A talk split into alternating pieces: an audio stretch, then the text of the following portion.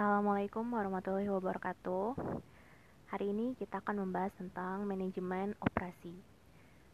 Yang dimaksud dengan manajemen operasi adalah mendesain sistem proses menambah nilai untuk fabrikasi barang dan penyediaan jasa. Terdapat empat faktor dari manajemen operasi.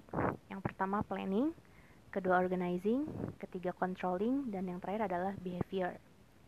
Planning merupakan suatu perencanaan, organizing merupakan suatu kegiatan, dan controlling merupakan suatu e, penjamin kinerja aktual, dan yang terakhir behavior adalah untuk pengendalian.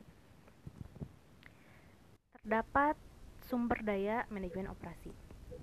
Ada man, material, money, machine, market, method. Demikian.